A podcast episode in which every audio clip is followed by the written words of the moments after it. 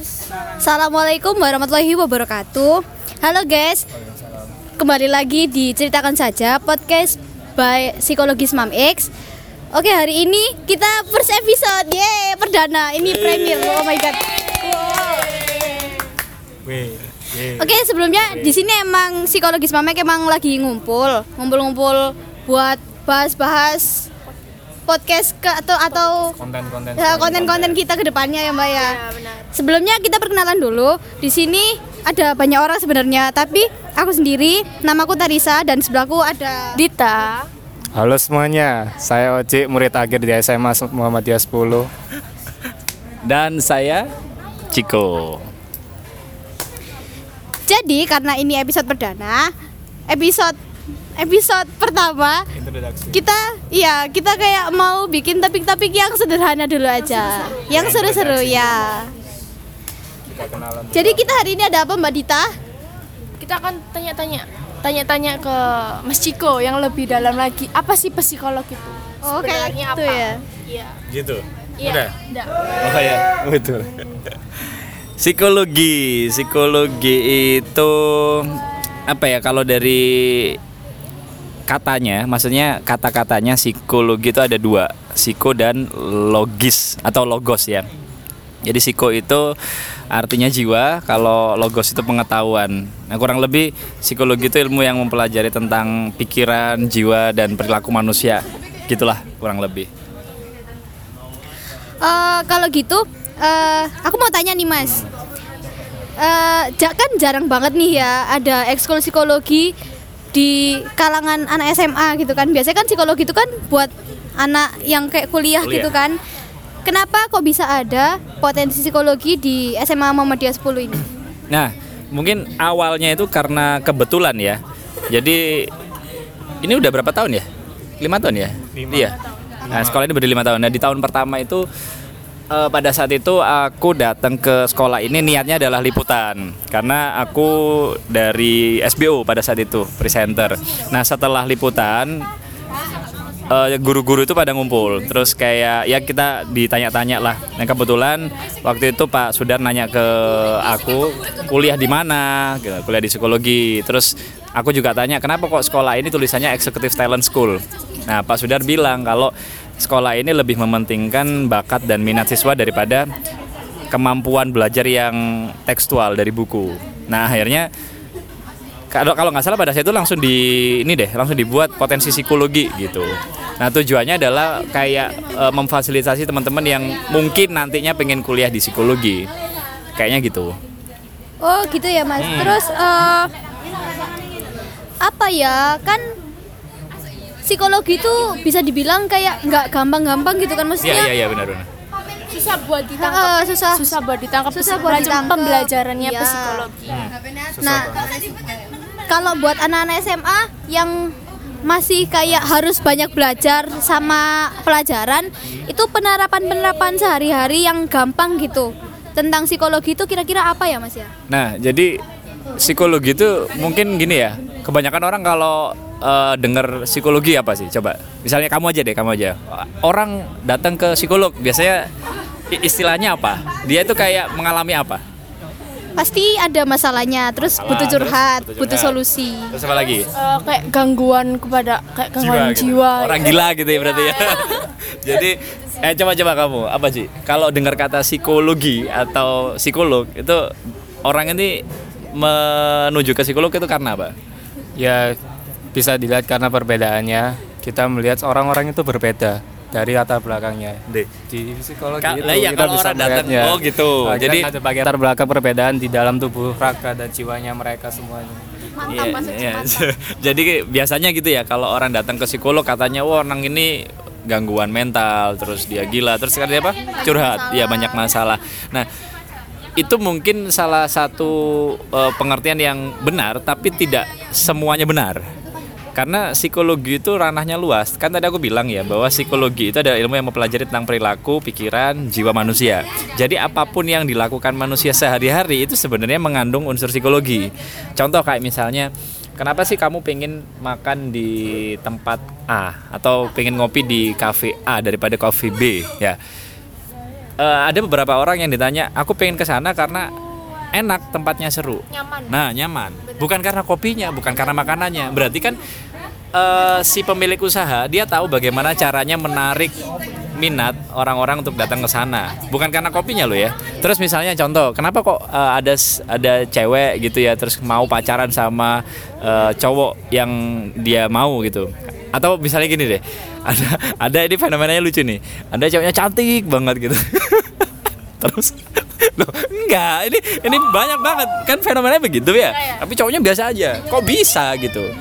Nah ini kan logika aja. Karena si- biasanya tuh kayak gitu tuh nyaman. nah kesayang. Nah, Tapi betul. kan tergantung tergantung anaknya dulu tuh kenapa. Betul. Nah, berarti kan berarti kan psikologi itu bisa untuk mempelajari hal-hal semacam itu. Jadi tidak harus orang punya masalah baru belajar psikologi. Harusnya orang yang belum punya masalah belajar psikologi supaya ketika ada masalah datang dia bisa menangani masalahnya itu. Jadi eh, apa ya kalau misalnya dibilang psikologi itu penerapannya apa sehari-hari banyak banget. Kayak contoh misalnya apa lagi ya? Eh, contoh-contoh contoh sehari-hari. Gini deh gini. Kalau misalnya ada temenmu yang sakit di rumah sakit gitu ya. Biasanya seperti apa? Misalnya nih kalian datang berame-rame ayo kita jenguk temen gitu.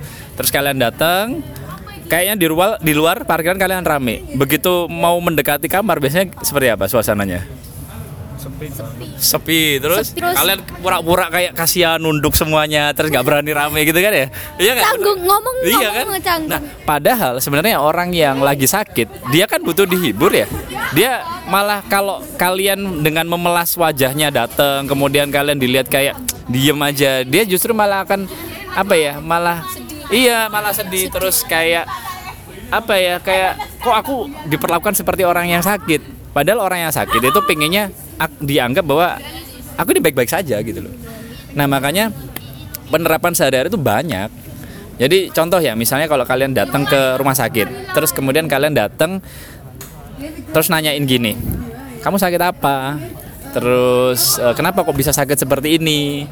Terus kalau misalnya ada orang kecelakaan gitu, atau ya orang kecelakaan gitu ya, gimana ceritanya kok bisa sampai seperti itu? Bayangin ya, yang tanya gitu kan bukan kalian toh.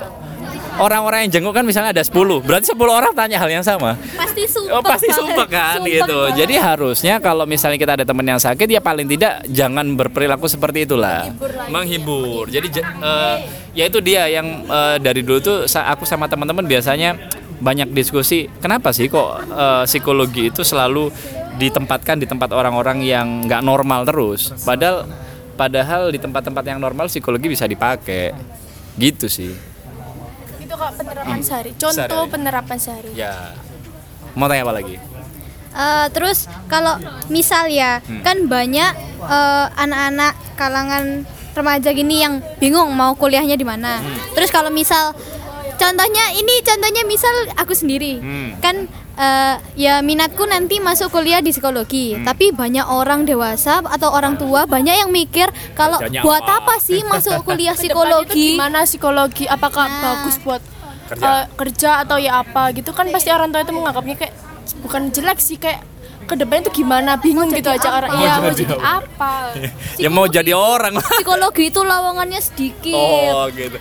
Nah, ya itu dia karena tidak banyak orang yang tahu fungsi dari psikologi. Dianggapnya pokoknya psikologi punya sama orang gila. Terus kayak gitu.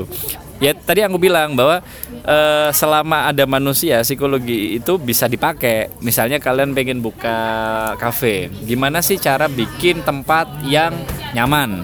Nah itu bisa pakai unsur-unsur psikologi. Misalnya misalnya gini eh, anak sekarang sukanya dengan suasana yang seperti rumah sendiri ya udah bikin kafe dengan desain rumah sendiri itu kan psikologi memahami orang lebih banyak sekarang itu kayak apa ya kayak pemiliknya tuh bikin kafe yang lebih kayak menarik tuh kayak contohnya estetik kayak Ya, kayak estetik. apa terus bagaimana kayak rumah-rumah yang disusun apa sih kayak Ya. dicat-cat gitu kayak kampung Malang gitu kan menarik Iya, iya. berpengunjung iya iya Juga masuk psikologi ya. Iya iya. Jadi jadi eh, aplikasi ilmu psikologi itu nggak sebatas orang duduk berhadapan terus eh, apa namanya bercerita tentang masalahnya nggak kayak gitu.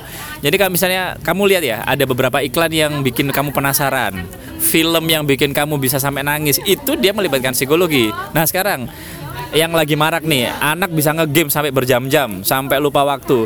Itu sebenarnya dia melibatkan seorang psikolog untuk ya apa ya diskusi dulu bahwa apa sih yang kira-kira menarik. Kalau misalnya bikin game itu yang menarik buat laki-laki itu seperti apa? Kalau yang main perempuan seperti apa? Lihat aja itu ada penelitiannya semua dan itu melibatkan psikolog. Banyak hal pekerjaan yang di eh, bisa dipakai untuk apa ya untuk melibatkan teori-teori psikologi. Kurang lebih seperti itu. Jadi nggak usah takut lah buat teman-teman semua kalau misalnya mau kuliah psikologi itu mau kerja apa ya banyak sebenarnya ya. Selama kalian bisa memanfaatkan ilmunya diterapkannya ke mana-mana bisa gitu. Oji dari tadi diam aja Ji. Serupan Ji. Ya. ngomong. Gimana gimana gimana? Ya lumayan lah. lumayan. Oh pode sih lumayan. Ya emang gitu sih. Ya. Psikolog kan juga eh, rananya bingung kan rananya ya rada bingung sih. Cuma ya itu kan ses- sesuai dengan peredarannya globalisasi perkembangan zaman juga oh sekarang trennya yang seperti ini orang-orang pada ngikut yang kayak gini sama gitu jadi ya kayak ya lo ngetrennya sekarang terus lo ikut-ikutan jadinya ya semua pada sama gitu Jadi jati diri gitu ya kayak. Nah. misalnya lo jadi jadi sendiri sendiri Sekarang gini deh, sekarang gantian aku yang tanya ya. Kenapa kalian masuk potensi ini? Kan itu pertanyaan juga sebenarnya. Gini ya, kalau psikolog itu menurutku tuh kayak eh, susah gitu loh dicari pembelajarnya tuh susah. Kalau susah kenapa kamu malah masuk sini? Itu kan tuh apa tuh kayak tantangan aja. Oh, tantang. Ah, ah, tantangan kayak seru aja wah masuk psikolog tuh kayak seru gitu. Dulu masuk sini diajak atau emang keinginan sendiri? Pengen sendiri sih. Kalau Risa, Risa? Kalau aku sih eh, masuk psikologi ini emang dari kapan ya? Dari SD kayaknya itu emang sudah minat banget sama psikologi. Terus kebetulan masuk SMA Muhammadiyah 10, terus ada ekskulnya ada potensi ini. Aku kepo aja gitu sama psikologi, pengen tahu gimana sih belajar psikologi itu biar nanti kalau misal ke depan aku punya masalah atau ada temanku yang curhat, aku juga bisa ngasih solusi yang nggak sekedar me apa Sabar cuman gitu ya. iya sabar tetap semangat kamu pasti bisa semua Sabar jual sate. iya Sabar. kan nggak semua orang bisa dikasih Betul. masukan yang kayak gitu Iya. juga itu sih itu ya. Oji, Oji, Oji, apa Oji? Kamu mau berubah jalan masuk sini? ya awalnya saya coba-coba terus jual boras aja ya enggak Total pentol coba-coba. ya karena awalnya sih pengen tahu aja sih Pengen pengen, tahu tahu, ya. kok wah wah Wah, Wow. wah ternyata Tidak tidak ada apa-apa, tidak saudara. ternyata tidak menyadari. sampah semuanya di sini. Tapi sampai Udah. bermutu Oh, sampai bermutu. Sampai Gimana? bermutu. Udah? Cukup? kayaknya untuk episode pertama kita ini dulu aja ya apa jangan lupa follow podcast kita ceritakan saja terus kita juga ada nih di Instagram nama Instagramnya psikologi underscore smamx terus kalau mau tahu info lebih selanjutnya atau collaboration bisa kontak personnya di 088 103 639 8058 Nah, di situ kita nanti mungkin ada yang mau cerita-cerita atau mau tanya, share, silahkan, monggo, ceritakan aja. Oke, mantap. Oke, sekian. Wassalamualaikum warahmatullahi wabarakatuh.